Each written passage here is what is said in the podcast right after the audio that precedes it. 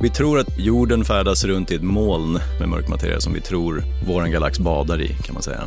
Men vi kan inte mäta dem direkt i någon detektor som är gjord av den materien som vi är vana vid, som vi är gjorda av, som den här mikrofonen är gjord av. Men vi kan se indirekta tecken på att det finns något där som drar med sin gravitationskraft. Och det är det som krävs att den mörka materien har som egenskap, att den påverkar med sin gravitationskraft, att den har en massa. Men resten vet vi egentligen inte.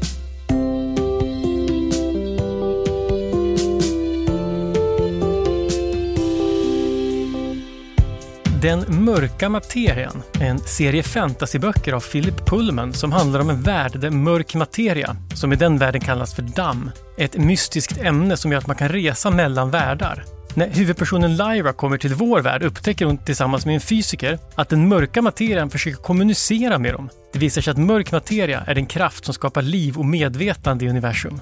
Verklighetens jakt på mörk materia är inte riktigt lika äventyrlig som i böckerna och tv-serien Den mörka materian. Men själva materian är faktiskt nästan lika mystisk. För trots att det finns mycket mer av den än vad det finns av det vi kallar vanlig materia, så vet vi nästan ingenting om den. Du lyssnar på Idéer som förändrar världen, en podd från Nobelprismuseet med mig, Gustav Källstrand. Och med mig för att berätta mer om mörk materia har jag Christian Åhm. Välkommen! Tack så mycket.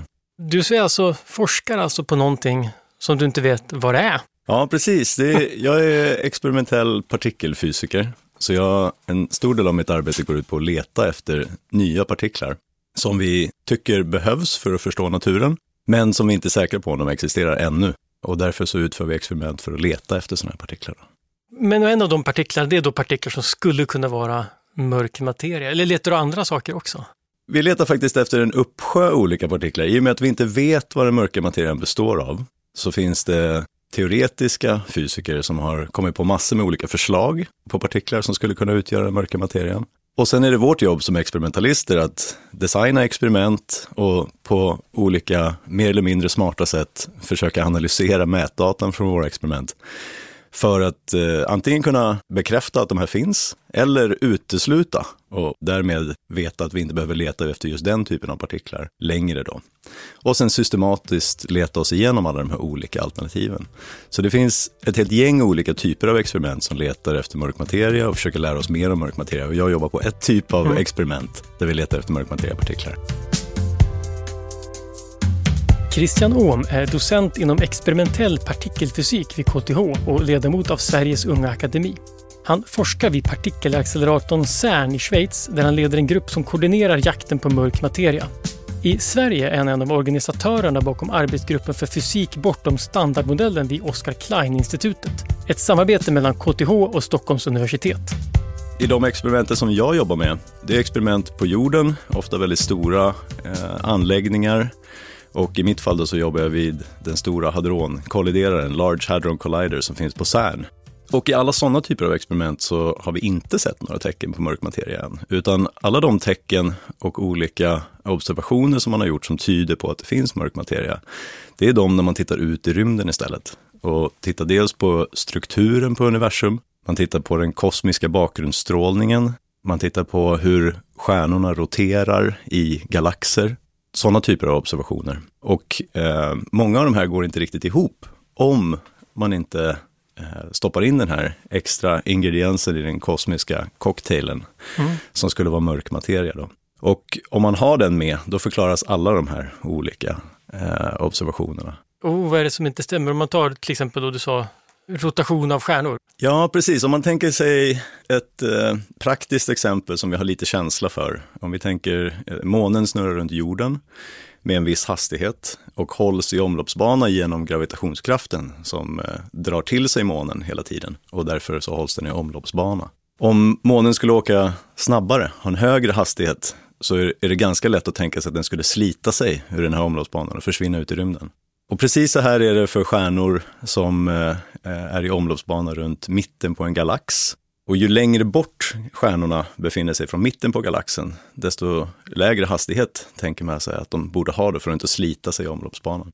Men i själva verket då, eh, när man började titta på det här i detalj och systematiskt för många olika galaxer, så var det framförallt en, en forskare som heter Vera Rubin som eh, gjorde det här tillsammans med flera andra och märkte att eh, nästan alla galaxer som de kikade på, så verkade den här, om man tittar på hastigheten på stjärnorna, som funktion av avståndet i mitten på galaxen. Så avtog det inte på det här sättet som vi skulle tro, att de stjärnorna som ligger längre bort åker långsammare eh, än de som ligger närmare mitten på galaxen.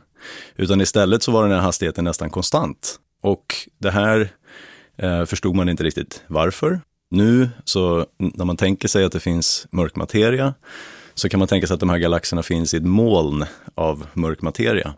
Och då Eh, skulle man kunna förklara de här galaktiska rotationskurvorna. Då. Om man inte hade haft mörk materia då, om man tänker att det var solsystemet till exempel, för då antar jag att då planeterna längst ut snurrar långsammare. Om de skulle snurra fort, skulle det behövas att solen hade mer massa var större eller skulle det behöva att de planeterna var större?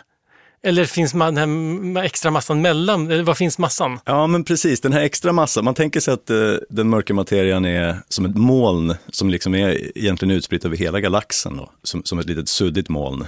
Eh, och det här skulle då fixa problemet med de här observationerna som annars inte går ihop. Om man, om man tänker sig att massan i galaxerna består av Oftast finns det ett svart hål i mitten då, men sen så finns det en massa stjärnor, det finns planeter, ofta är en stor del av massan eh, i form av gasmoln då räcker inte den här massan till eh, mm. för att hålla de här stjärnorna i omloppsbana.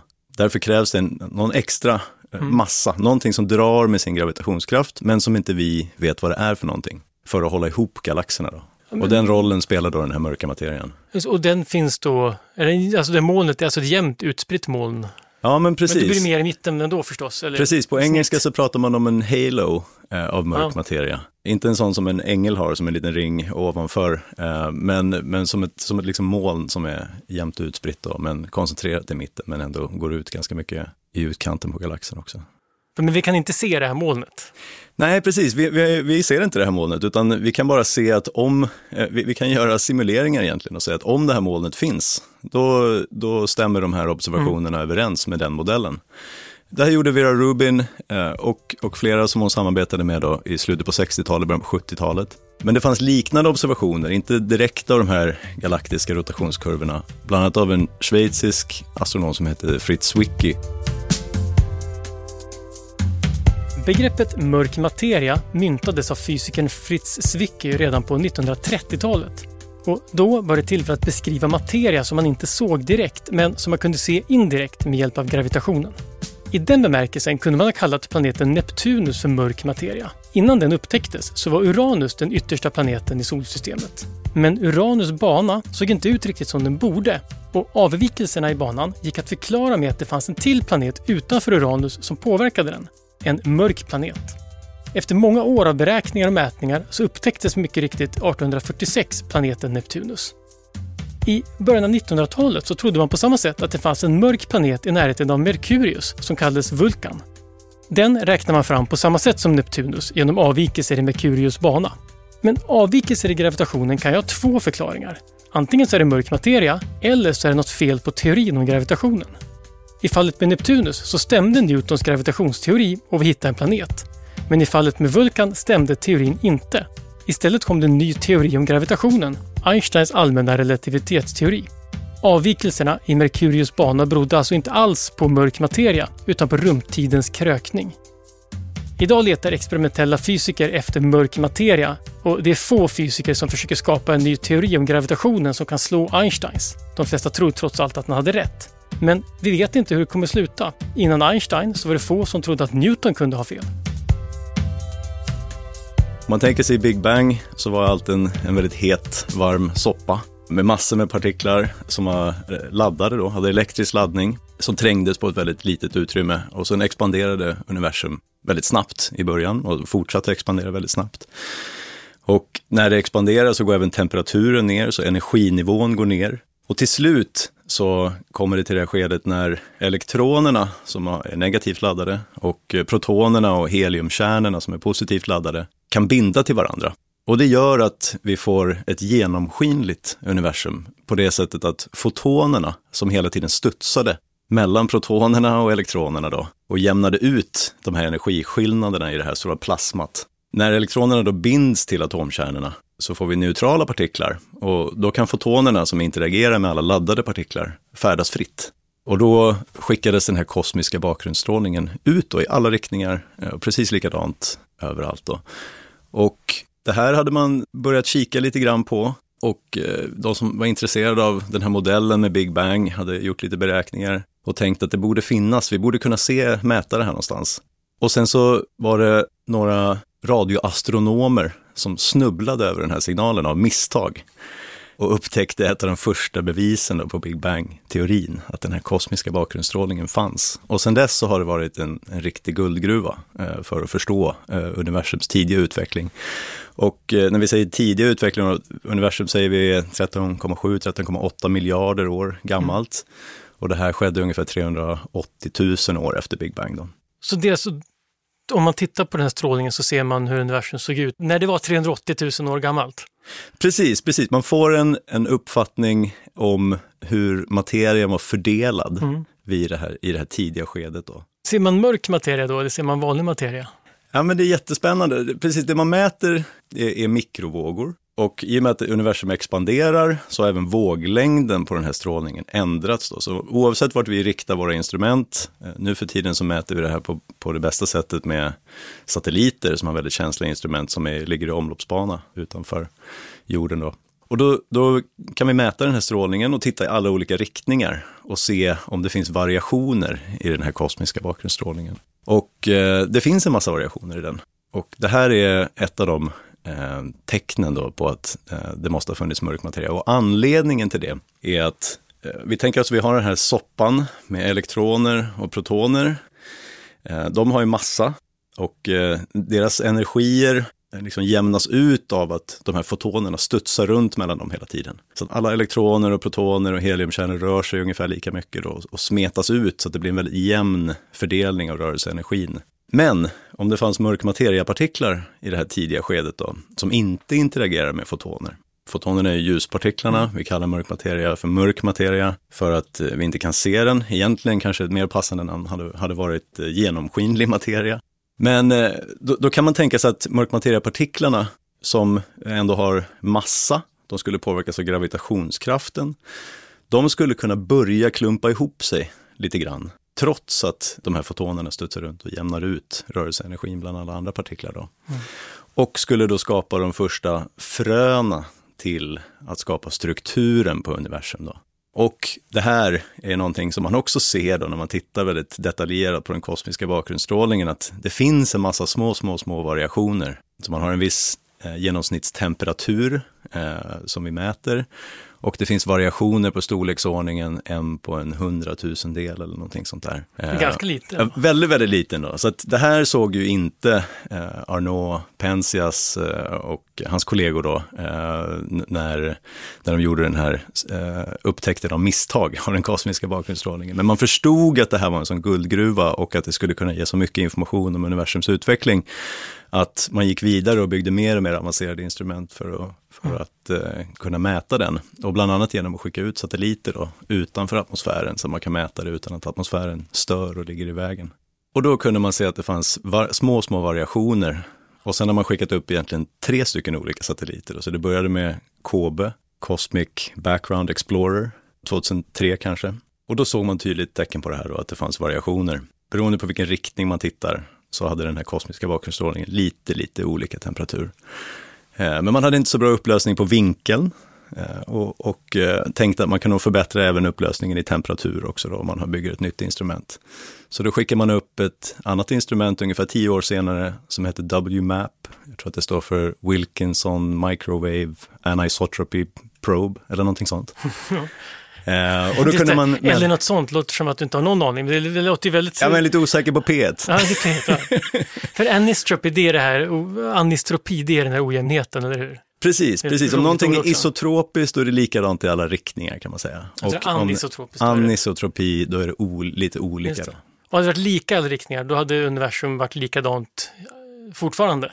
Just det, så, att, så det här, här kommer det in då lite grann att om det fanns frön till att forma en struktur på den materian som våran planet och som vi är gjorda av redan innan eh, den här tiden när den kosmiska bakgrundsstrålningen släpptes ut.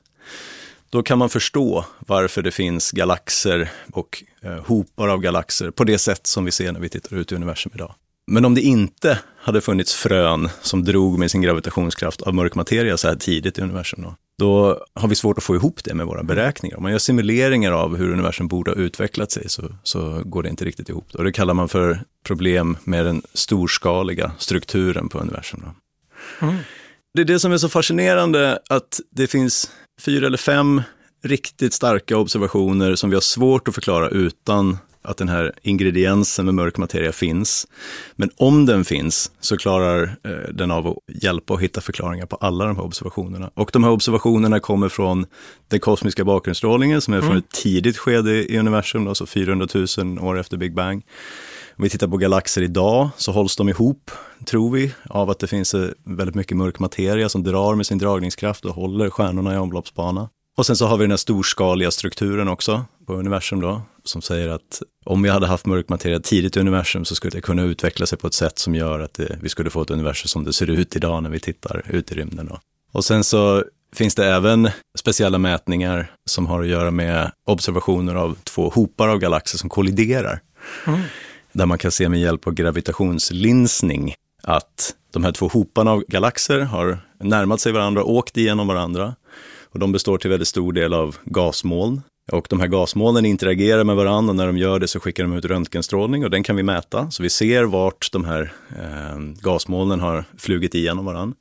Men sen kan vi också se med hjälp av gravitationslinsning som utnyttjar att tunga saker eh, påverkar ljusets bana. Då. Så ljuset böjs av väldigt massiva objekt. Och det man kan se då med hjälp av gravitationslinsning är att där de här galaxerna har åkt igenom varandra så verkar den största delen av massan ha kommit mycket längre efter kollisionen än de här gasmolnen som liksom har interagerat med varandra och bromsat upp lite grann. Så det finns ett speciellt eh, sån kollision mellan två galaxhopar som man kallar för bullet cluster. Där man kan se det här tydligt också. Då. Ehm, och det är en av de starka tecknen på att det här inte har att göra med att vi inte förstår gravitationskraften, utan att det, det, måste finnas någonting mer i de här galaxhoparna som beter sig på ett annat sätt. Listorna över nobelpristagare speglar ofta utvecklingen inom sina fält. Inom litteratur förekommer en hel del kritik mot att stora namn som Virginia Woolf eller Marcel Proust inte finns med. Och inom fred lyser Gandhi med sin frånvaro. Det finns inte riktigt lika många luckor inom vetenskapen, men ett namn som många menar saknas i listan över fysikpristagare är Vera Rubin. Rubin var en av väldigt få kvinnliga astronomer när hon började forska på 60 och 70-talet. Hon gjorde en del upptäckter inom viktiga fält men fick hård kritik och på 80-talet så började hon istället titta på något mer okontroversiellt, hur stjärnor på olika ställen i galaxer rörde sig. Alla tänkte sig att stjärnorna i en galax som roterade skulle röra sig fortare i mitten och långsammare längre ut, precis som att planeterna nära solen i solsystemet rör sig snabbare än de långt bort. Rubin tänkte att man väl borde mäta det här och inte bara köpa hur det borde vara. Så hon tittade på Andromeda-galaxen och till allas förvåning rörde sig stjärnorna långt ut lika fort som de i mitten. Det hade man kunnat vänta sig om det hade funnits väldigt många fler stjärnor än vad det fanns, men det gjorde det ju inte. Alltså hade man att göra med det som Fritz Zwick hade kallat mörk materia. Man såg effekterna av gravitationen utan att se materien. Rubins mätningar var de första som visade att mörk materia finns och utgör en stor del av universum. Hon fick de flesta vetenskapliga priser som en astronom kan få, men hon dog 2016 utan att ha fått ett Nobelpris. Vi kan inte mäta dem direkt i någon detektor som är gjord av den materien som vi är vana vid, eh, som vi är gjorda av, som den här mikrofonen är gjord av och som våra detektorer är gjorda av. Då. Men vi kan se indirekta tecken på att det finns något där som drar med sin gravitationskraft. Och det är det som krävs att den mörka materian har som egenskap, att den påverkar med sin gravitationskraft, att den har en massa. Men resten vet vi egentligen inte. Vi vet att den inte kan interagera, i alla fall inte så villigt, via de andra eh, grundläggande krafterna, då, så eh, kärnkraften och elektromagnetismen. Den skulle kunna ha eh, växelverkan via en svag eh, kärnkraft. Eh, men det är väldigt svårt att se då. Men det beror också på vilken typ av partikel som vi eh, tänker på just för stunden då, för det är så många som är föreslagna. För att om man tänker att man hade då mörk materia, eh, om den då är så sagt osynlig, och, men den för då interagerar den inte med ljuset. Okej, okay, jag ser den inte, men, men man borde kunna känna den. Om jag hade en klump av mörk materia i handen då kan jag inte hålla i den förstås, för det beror på elektromagnetism. Men om jag släpper den så skulle den ändå, alltså gravitationen känner den av, så att den borde kunna märka den med hjälp av den. Är det, den, är det gravitationen man använder på jorden för att leta efter mörk materia? Ja, men då, då, finns det flera olika strategier då för hur man vill leta efter de här partiklarna som man tänker sig utgöra den mörka materian. Och vi tror att jorden färdas runt i ett moln med mörk materia som vi tror eh, vår galax badar i, kan man säga. Och det gör ju att vi åker igenom det här molnet, vi skulle kunna stöta in i, även om de ovilligt interagerar med våra detektorer, så har de, eh, även om det är en väldigt svag interaktion då, så skulle de kunna reagera med en detektor. Mm. Så det man gör då, om man vill kunna mäta det, då kan man bygga superkänsliga detektorer och se till att man är långt bort ifrån störande strålning. Man kan bygga en grotta djupt under en alptopp till exempel. Där man har kilometer med berg som blockerar eh, annan kosmisk strålning och sådär. Och eh, så måste man vara jätteförsiktig att det inte kommer in någon sorts radioaktiva ämnen som skulle kunna skapa reaktioner då i den här detektorn. Och så kan man ha till exempel då en stor tank av flytande xenon. Ett experiment som det finns svenska fysiker som jobbar med. Och sen så försöker man mäta små, små eh, rekyler av att de mörkmateriapartiklarna som vi färdas igenom skulle stöta in i någon enskild eh, molekyl i den här flytande gasen då och kunna mäta det. Uh, hittills, hur, hur, går det? Ja, hittills så har man gjort eh, väldigt framgångsrika experiment uh, och kunnat utesluta att de, den här typen av mörkmateriapartiklar inte finns upp till en viss massa. Då. Mm. Så det är ett sätt. Sen så kan man också titta på, man tror ju att det finns väldigt mycket mörk materia i mitten på galaxerna, att det skulle liksom fokuseras där. Och om man har väldigt många mörkmateriapartiklar tillsammans så skulle de kunna interagera med varandra och förgöra varandra kanske precis som en antipartikel och en, en vanlig partikel möter upp och skickar ut eh, ren energi i form av fotoner, mm. så skulle man kunna mäta eh, fotoner med en viss exakt energinivå som kommer från just mitten på galaxer. Då. Och då skulle det kunna vara ett tecken på att det är mörkmateriapartiklar som förgör varandra. Det kallar man för indirekt detektion. Då. Men den mörka materian, vi, vi, vi, har ju letat, vi har hittat till exempel neutrino som är jättesvåra att upptäcka, mm. därför att de, är, man ser, de, är väldigt, de interagerar med andra krafter med väldigt lite. Precis. Verkar mörk materia vara någonting, alltså den verkar, har den, interagerar den starkt med gravitationen eller är det liksom, hur, hur tät är den? Ja, det beror ju, om man, precis, om man tänker sig att man har en, en kvadratcentimeters låda, ja. så vet vi ungefär hur mycket massa som, eh, av mörk materia som borde finnas i den lådan. Ja. Men, men vi har verkligen ingen aning om hur mycket varje partikel väger. Eh, vad massan är för varje mörk materiapartikel. Där spänner det liksom många tiotals storleksordningar eh, på de föreslagna partiklarna. Vi har verkligen ingen aning och det avgör ju då hur många sådana partiklar det finns i varje kvadratcentimeter. Då. Eller kubikcentimeter, förlåt. Men finns det mycket mörk materia i en kubikcentimeter? Eller, för att om det, om det är liksom sprängfyllt så borde det vara lättare att hitta än om det är... Ja, då, då måste man eh, göra vissa antaganden om hur man tror att den mörka materian är fördelad. Mm. Eh, men, men på den stora skalan då, så, mm. så tror man att i, i, de flesta galaxer eh, och i universum i stort så visar precisionsmätningar av den här kosmiska bakgrundsstrålningen att det faktiskt finns ungefär sex gånger mer mörk materia än vanlig materia. Då. Är den liksom jämnt utspridd överallt eller klumpar den också ihop sig? Eller kan det Interagerar den med sig själv? Eller kanske vi inte ja, det, vet? Det vet vi inte riktigt. Eh, och eh, beroende på vad man gör för antaganden så får man väl lite olika svar på, på den frågan. Då. Men eh, de flesta eh, vanliga modeller så, så, tror man att det, den kommer klumpa ihop sig och det är där den har klumpat ihop sig som den vanliga materien har klumpat ihop sig och format galaxer. Och sen finns det lite strängar, det är nästan som ett, spin, som ett kosmiskt spindelnät eh, med den här mörka materien, om man tänker på hur den är fördelad. Då. Eh, så att de två strategierna som jag pratade om innan mm. här, eh, de, de bygger på att vi försöker mäta den mörka materian som redan finns och som vi tror har funnits där från, från tidigt i universums utveckling och som har påverkat hur universum har, har utvecklats och, och eh, fått den strukturen som vi ser idag. Det som vi gör istället i våra experiment, det är att vi krockar partiklar som vi känner till med väldigt hög energi. Vi krockar protoner med en energi på eh, nästan 7 tera elektronvolt. Eh, så rör, rörelse, ja, precis, rörelseenergin hos de här protonerna är ungefär 7000 gånger större än deras massa. Så de är högst, väldigt, väldigt relativistiska då, som rör sig med 99,9999991 procent av ljusets hastighet i vakuum eller något sånt där. Okay, så, men de är ganska små från början, så 7000 gånger, de, de väger inte lika mycket som ett hus, men, men, men det är ganska mycket antar jag? Ja, ja men precis. Och framförallt har de mycket energi då. Ja. Och det som är speciellt är att i de här kollisionerna, när vi krockar två protoner, två strålar som har så hög, hög energi, eh, de flyger liksom rakt mot varandra och så krockar vi dem. Så all den energin Eh, eller i själva verket en del av den energin eh, kan omvandlas till att skapa nya partiklar via Einsteins väldigt kända formel, alltså E är lika med mc kvadrat. Så att den här energin kan omgöras till massa för nya partiklar. Och det är, det är, precis den principen som vi utnyttjar för att studera kortlivade partiklar som vi vet finns och som vi är intresserade av. Och det var så man upptäckte Higgs-bosonen för eh, lite drygt tio år sedan. Och det skulle kunna vara så att i de här kollisionerna så kan vi skapa någon partikel som sönderfaller till partiklar som vi kan mäta och partiklar som utgör den mörka materian. Eh, och det här kan vi då se tecken på i, i eh, vår detektor. Och det är lite lurigt också, för att vi har ju sagt det, vi kan inte mäta mörk materia-partiklarna eh, för att vi bygger våra detektorer av vanlig materia och den här mörka materian interagerar väldigt ogärna med vanlig materia. Och de är för små för att gravitationen ska märkas på så små Ja, precis. Gravitationen är, är otroligt svag i de här sammanhangen och eh, påverkar liksom inte våra mätningar. Annars hade det varit eh, toppen om vi hade kunnat utnyttja det. Men den är otroligt svag när man tittar på elementarpartiklar. Då. Så vad gör ni? Alltså det vi gör är istället att vi, vi utnyttjar de här bevarandelagarna som finns i fysiken. Fysiken har ett antal bevarandelagar som har att göra med fundamentala symmetrier i, i matematiken som beskriver hur partiklarna fungerar på den här minsta storleksskalan.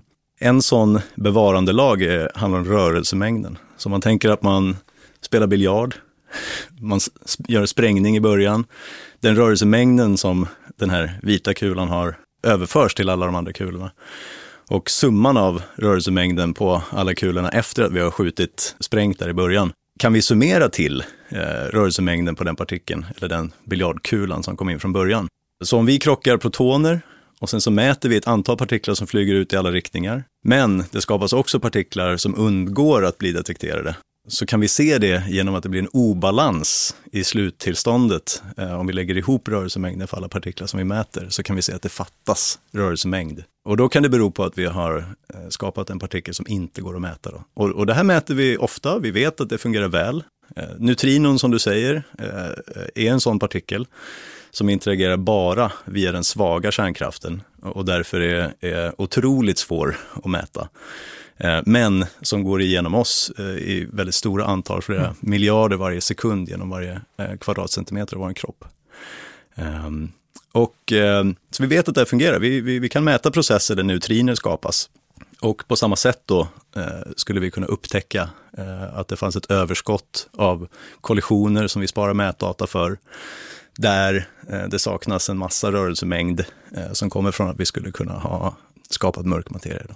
Men om jag tänker på din biljardexemplet, skulle det vara som att man upptäcker då att det finns en osynlig biljardboll genom att man räknar ihop hur mycket de andra, de synliga rör sig och så fattas det en boll helt enkelt för Precis. att det ska gå ihop med hur mycket den vita rör sig från början. Precis, om man skjuter bort en biljardboll från bordet och, missar att mäta den. Och sen så mäter man väldigt noga de andra då. Eh, då skulle det saknas rörelsemängd. Då. Men eh, just, just med den liknelsen då så är det ju otroligt eh, svårt att bygga en helt perfekt detektor som mäter exakt alla partiklar som skapas inuti den. Vi kolliderar eh, ungefär en miljard gånger per sekund så kolliderar vi protoner inne i vårt experiment. Och i varje sån kollision så skapas det typiskt ett hundratal nya partiklar. Ehm, och eh, den, vår detektor är väldigt stor. Det är Atlas-experimentet som jag pratar om, då, som, som finns på CERN. Ehm, ungefär 45 meter långt, 25 meter i diameter, som en liggande tunna ungefär.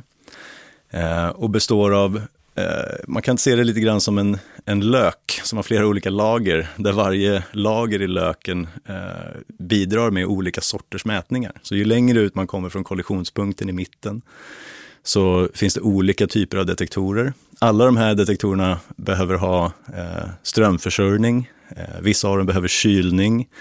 Eh, vi behöver kunna läsa ut signalerna från dem med sladdar också, vilket gör att det finns lite olika hål här och var i detektorn där det behövs en massa kablar mm. helt enkelt. Och om en partikel åker precis där så skulle vi kunna missa den. Då. Så det här måste vi också förstå eh, på en otroligt detaljerad nivå.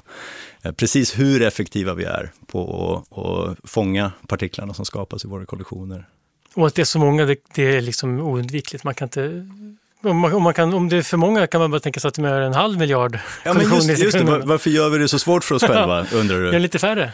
Just det, Nej, men, och svaret på det är helt enkelt att det vi är ute efter är otroligt sällsynta processer. Eh, så att de allra flesta kollisionerna mellan protoner, även vissa här höga energier, förstår vi ganska väl mm. och är inte speciellt intresserade av. Så även om vi eh, kolliderar protoner då ungefär det, är 40 miljoner gånger per sekund så kommer det in eh, ett, ett, ett helt gäng protoner, ungefär 100 miljarder på varje sida, inklämda på ungefär volymen av ett hårstrå. Och sen åker de här hårstråna igenom varandra. Och då får vi typiskt ja, nu i dagarna så har vi haft ungefär 60 individuella proton-proton-par som krockar och det här sker var 25 nanosekund. Då. Och anledningen till att eh, vi gör, eh, vi gör det så svårt för oss själva, det är att det, det som vi är intresserade av, det sker otroligt sällan. Då. Så vi är intresserade av att studera de allra tyngsta partiklarna och, och, till och med kunna skapa nya partiklar som vi inte känner till, som sannolikt kan ha högre massa än de som vi känner till. Då. Eh, och därför så vill vi skapa så mycket kollektioner som det bara går utan att kompromissa för mycket med vår förmåga att kunna studera varje kollektion i detalj. CERN är den europeiska organisationen för kärnforskning och den består av en forskningsanläggning utanför Genève. Experimenten som görs där används av forskare över hela världen. Så CERN är inte bara en plats, det är också centrum i ett nätverk av partikelfysiker. Sen grundades efter andra världskriget och tanken var att samarbetet skulle stärka återuppbyggnaden av europeisk forskningsgemenskap efter kriget. Genom att arbeta tillsammans skulle länderna kunna bygga partikelacceleratorer som var större än någon av dem skulle kunna bygga på egen hand.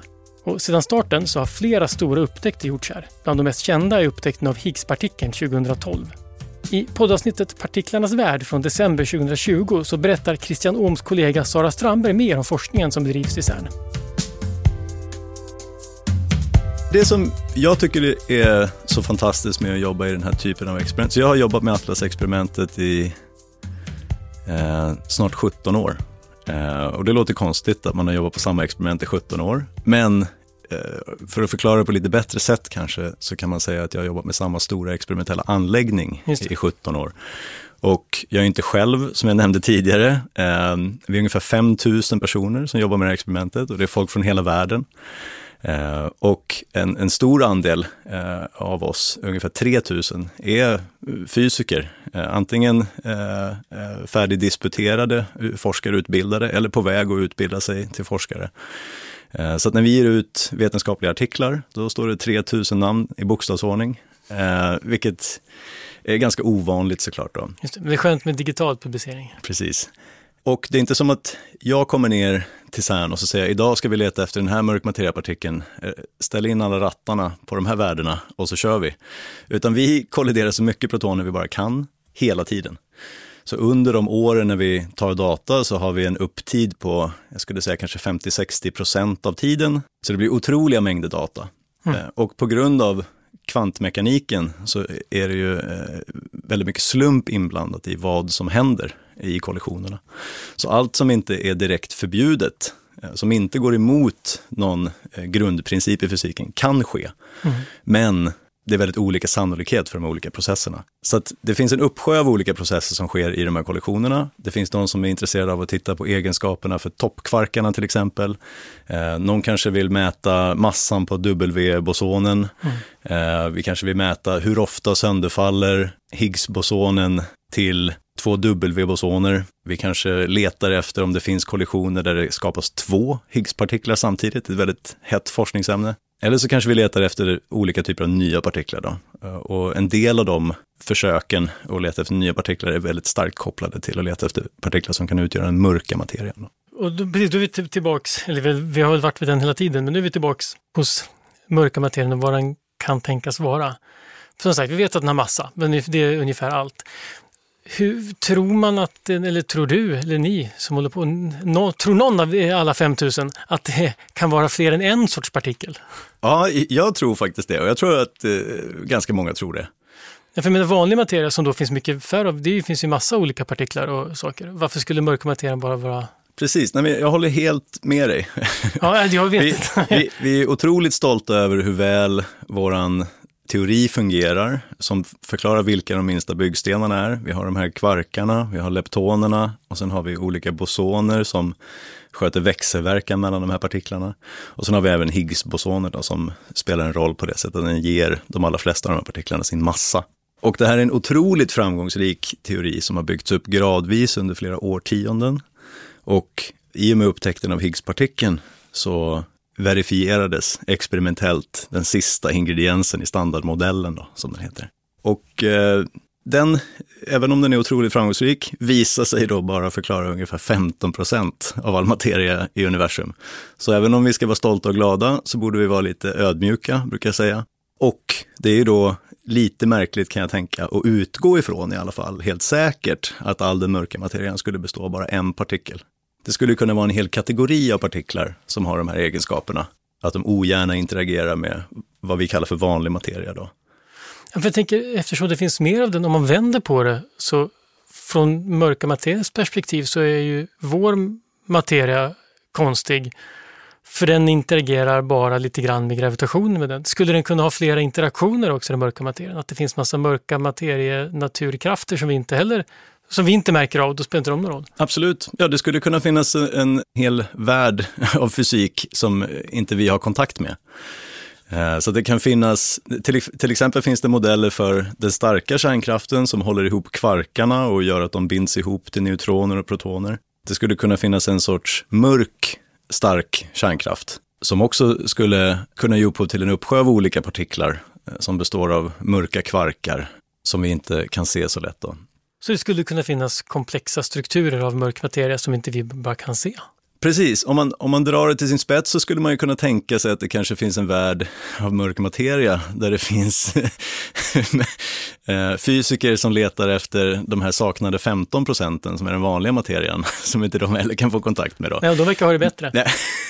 Men i själva verket så, så i alla fall det, som, så det sättet som vi tänker oss mörk materia, det som är speciellt med vanlig materia är att den klumpar ihop sig och att vi eh, kan forma de här komplexa strukturerna som till slut går upphov till liv eh, och som gör att eh, vi är här och kan fundera på de här frågorna. Mm. Och det tror man inte, i alla fall inte från vår förståelse nu, att de mörkmateriepartiklarna skulle göra på samma sätt och kunna klumpa ihop sig på ett liknande vis. Då. För då borde man se det i, grav i gravitationen i alla fall, att de satt på samma ställe? Ja, Ja, det här känner jag, jag är, jag är lite osäker, men jag har inte hört så många sådana idéer föras fram. Utan det var mer en, ett roligt tankeexperiment för att dra det till sin spets. Liksom.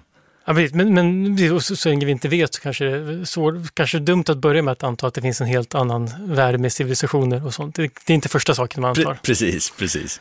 Ja, just, en sak bara innan, för nu det blir snabbt spekulativt, det här märker man. Men, mm. men man, för att med Vera Rubin och så, när hon la fram teorierna, det, då var ju det spekulativt att tänka att, att postulera en helt ny materia. Mm. Har, man, har man liksom räknat klart på att det inte kan vara någon vanlig materia? Ja, men det, det som... Sten eller vad som helst, det, eller gas, alltså som bara inte ser det.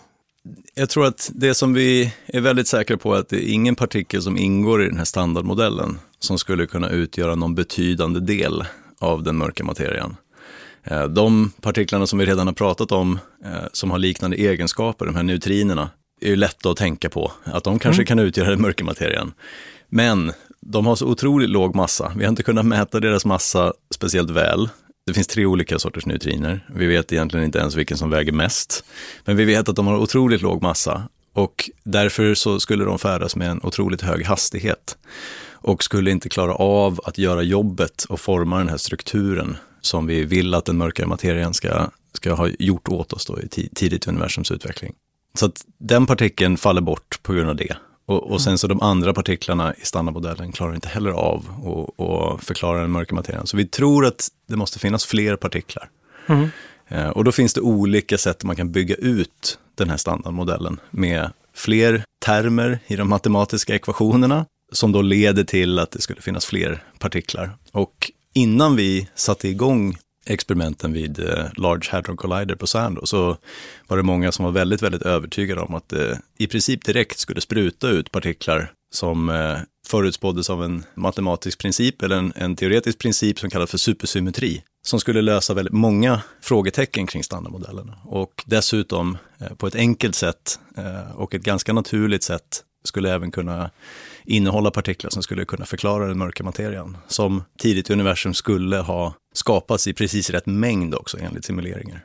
Men hittills har vi inte hittat några tecken på sådana supersymmetriska partiklar. Men eh, det finns många fria parametrar i de här modellerna som har med supersymmetri att göra. Och vi har absolut inte utforskat hela det parameterrummet. Men sen finns det dessutom en uppsjö av helt andra typer av teorier som eh, utvidgar standardmodellen som också eh, skulle kunna lösa frågan om vad mörk materia är för någonting. Och då, precis, och då är vi tillbaka där vi började nästan med att då, det som då, det, jag antar att det är teoretikerna som hittar på de här partiklarna och räknar ut att det här skulle behöva en supersymmetrisk partikel. Precis. Och då har den, om den ska ha värt någonting så måste de räkna ut vilka egenskaper den har och så letar ni efter de egenskaperna. Precis. Och finns de så finns de. Precis, och, och, och då blir det nästan en sociologisk dimension i det hela. Att, eh, det har gjorts väldigt mycket arbete eh, inom till exempel om vi tar supersymmetri så har man räknat och räknat och räknat och räknat klart nästan lite grann på det, tycker man. Och sen så eh, är det upp till oss experimentalister att försöka söka av det här väldigt, väldigt högdimensionella eh, parameterrummet eh, och se om vi hittar de här partiklarna. Men teoretikerna har ju såklart, de letar efter andra modeller och mm. börjar diskutera dem och börjar räkna på dem och ser att det finns även möjligheter här att kunna förklara mörk materia på andra sätt. Det gör ju att fokus kan skiftas lite grann och det går lite trender i vad teoretikerna jobbar med. Och det tycker jag att det, det är precis så det ska vara. Men jag tror också att vi som experimentalister måste se till att vi inte slutar leta eh, innan vi har letat överallt. Eh, och det gäller alla de här olika eh, modellerna. Då. Inte, för det skulle kunna vara så att den upptäcks på andra sättet, att man faktiskt hittar någonting som, vänta här, här trillar det ut massa då, eller här fattas det massa och då måste det vara det. Och då kanske det är på någon annanstans än det teoretikerna trodde. Ja, men precis. Man kan ta som exempel att Higgs-bosonen som förutspåddes på 60-talet av bland annat Peter Higgs och eh, François Englert som belönades med Nobelpriset för att ha förutspått det på 60-talet efter att Atlas och CMS-experimenten upptäckte det eh, 2012. Eh, så, men det var även fler inblandade där, men det var de som var fortfarande vid liv när det var dags att dela ut priset. Så har man letat vid flera andra sådana här anläggningar tidigare och uteslutit olika eh, regioner, för då var det bara en fri parameter, det var vilken massa den här Higgspartikeln har. De har uteslutit flera regioner, eh, men det fanns en lucka kvar, eller egentligen två luckor kvar. Och då tänkte man, vi bygger den här Large Hadron Collider, då kommer vi eh, kunna söka igenom båda de här luckorna som är kvar, där vi inte vet än. Och antingen hitta Higgspartikeln, eller med säkerhet kunna säga att vi utesluter att den finns då. Och det hade ju varit lite snöpligt kan jag tycka om vi hade lagt ner jakten precis innan. Eh, så jag, jag, tycker att vi har ett visst ansvar att söka av alla delar av eh, alla hörn av parameterrummet eh, för olika modeller för att, att se till att vi inte missar några upptäckter. Tror du att det kommer vara så att när man hittar det kommer man snabbt, eller ja, man får räkna ett tag och sen säga att här har vi det, tydligt bevis. Eller kommer det vara man hittar en partikel och så kanske man hittar en till och då här skulle, alltså det kommer vara mer stegvis upptäckt av det här kartläggning. Med mörk materia så tror jag att det skulle nog krävas eh, flera olika typer av observationer för att man skulle vara helt säker på att vi faktiskt har hittat eh, någonting som har med den mörka materien att göra. Om vi hittar ett överskott med kollisioner i vår mätdata där det finns en massa saknad rörelsemängd och vi säger att här skulle det kunna ha varit mörkmateriapartiklar som har skapats i kollisionen och som sedan har undgått att detekteras i vårt experiment. Så skulle det vara ett jättestort genombrott. Fantastiskt, vi har hittat någon ny fysik. Men det är inte säkert att den partikeln som undgår detektion hos oss är den som utgör mörkmateria. Utan då tror jag att vi också behöver mätningar till exempel från de här direktdetektionsstrategierna där man sitter och väntar på att den ska studsa in igen. Eller indirekt detektion då, när man, när man tittar på signaler från eh, ofta mittpunkter på galaxer. Eller någonting, eh, nu går det så himla snabbt också i, i astrofysikvärlden eh, och eh, med vad man kallar för multi-messenger astronomy.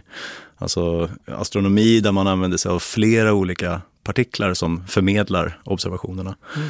Eh, så fram till ganska nyligen så allting vi visste om universum visste vi genom elektromagnetisk strålning. Eh, sen mätte man neutriner med väldigt hög energi. Ehm, och eh, kunde korrelera det till vissa väldigt våldsamma och högenergetiska objekt i, ute i rymden. Och sen nu har vi även gravitationsvågor som också berättar väldigt mycket om vad som händer ute i universum. Vi vill få nya sinnen för att förstå hur, vad som händer ute i universum. Och det här tror jag är, är någonting där utvecklingen kan gå väldigt snabbt och där vi kan lära oss ganska mycket om, om mörk materia. Och det kan vara ännu bättre mätningar av den kosmiska bakgrundsstrålningen. Det, det, finns massor med olika vinklar att angripa det här problemet med mörk materia och jag tror att alla de behövs. Det låter som att du är ganska optimistisk ändå, att, att här borde vi kunna hitta något. Ja, eh, och det kanske man måste vara för att, för att hålla på med det här. Det, det mesta som jag gör i min forskning är att jag letar efter sådana här teoretiska scenarier med nya partiklar. Och ofta så engagerar jag mig speciellt i de som skulle vara väldigt svåra att mäta med vår detektor. Ja. det tycker jag är kul. Och sen så eh, försöker vi att designa smarta sätt och, och, och, använda våra mätdata för att se om de finns. Men i alla fall hittills så har vi uteslutit då, eh, ofta med väldigt starka, eh, kan vi sätta väldigt starka gränser på och säga så här, hela den här delen av parameterrummet eh, kan vi utesluta. Men, eh, och, men jag tycker ändå att det är kul. och, så man måste väl kanske njuta lite grann och uppskatta själva hantverket och eh, samarbetet och problemlösandet på vägen och inte bara göra det för att nå slutresultatet och sådär. Ja, det, det är bra slutord. Eh, ja. Tack så hemskt mycket för att du kom Christian, det var jätteintressant att höra mer om mörk materia. För jag vet fortfarande inte vad det är, men det, man vet mer om hur man letar i alla fall. Precis, jag hoppas att jag kan komma tillbaka och berätta. ja, ja, du är välkommen. ja, tack så jättemycket. Idéer som förändrar världen är slut för den här gången. Den här podden görs av Nobelprismuseet. Vi finns på Stortorget i Gamla stan. Information om museets utställningar och öppettider finns på museets hemsida nobelprismuseum.se. Du kan förstås också följa oss på Facebook och Instagram. Och vill du veta mer om Nobelpristagarna och deras arbete så gå gärna till Nobelprisets hemsida nobelprice.org. Och ett stort tack till Nibe Group, EF Education First, Knut och Alice Wallenbergs stiftelse och familjen Erling Perssons stiftelse som möjliggör Nobelprismuseets verksamhet. Idéer som förändrar världen görs i samarbete med produktionsbolaget Filt, producent är Andreas Wiklund och jag heter Gustav Källstrand. Vi är snart tillbaka med nya intressanta samtal.